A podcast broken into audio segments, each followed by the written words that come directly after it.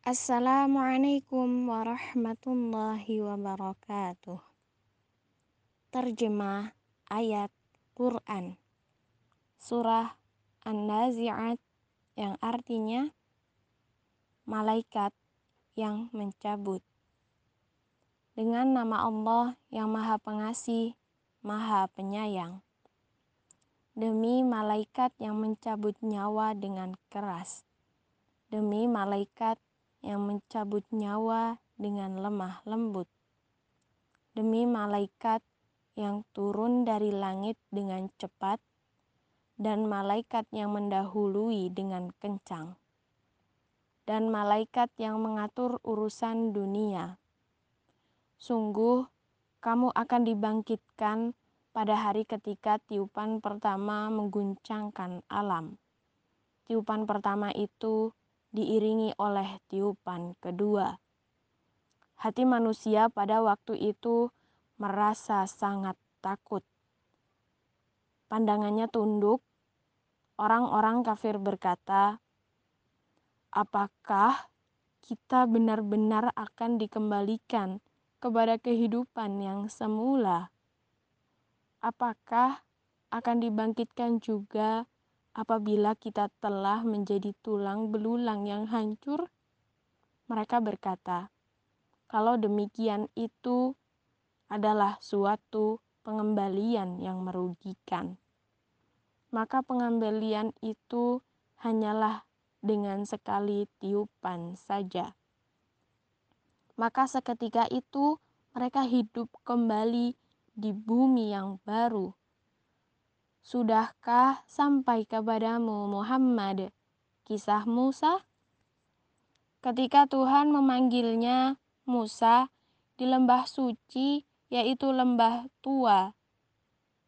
Pergilah engkau kepada Fir'aun. Sesungguhnya dia telah melampaui batas. Maka katakanlah kepada Fir'aun, Adakah keinginanmu untuk membersihkan diri dari kesesatan dan engkau akan kupimpin ke jalan Tuhanmu agar engkau takut kepadanya. Lalu Musa memperlihatkan kepadanya mukjizat yang besar.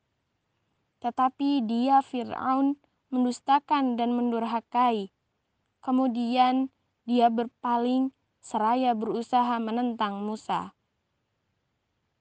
Kemudian dia berpaling seraya berusaha menantang Musa. Kemudian dia mengumpulkan pembesar-pembesarnya, lalu berseru memanggil kaumnya. Seraya berkata, Akulah Tuhanmu yang paling tinggi. Maka Allah menghukumnya dengan azab di akhirat dan siksaan di dunia. Sungguh pada yang demikian itu terdapat pelajaran bagi orang yang takut kepada Allah. Apakah penciptaan kamu yang lebih hebat ataukah langit yang telah dibangunnya? Dia telah meninggikan bangunannya lalu menyempurnakannya. Dan dia, Allah, menjadikan malamnya gelap gulita dan menjadikan siangnya terang benderang. Dan setelah itu bumi Allah hamparkan. Darinya Allah pancarkan mata air dan ditumbuhkan tumbuh-tumbuhannya dan gunung-gunung Allah pancangkan dengan teguh. Semua itu untuk kesenanganmu dan untuk hewan-hewan ternakmu. Maka apabila malapetaka besar hari kiamat telah datang, yaitu pada hari ketika manusia teringat akan apa yang telah dikerjakannya dan neraka diperlihatkan dengan jelas kepada setiap orang yang melihat.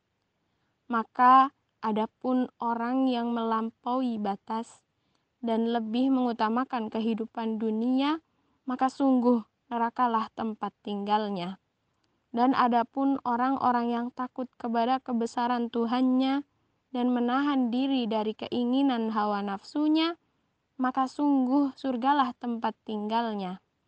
Mereka orang-orang kafir bertanya kepadamu Muhammad, tentang hari kiamat. Kapankah terjadinya?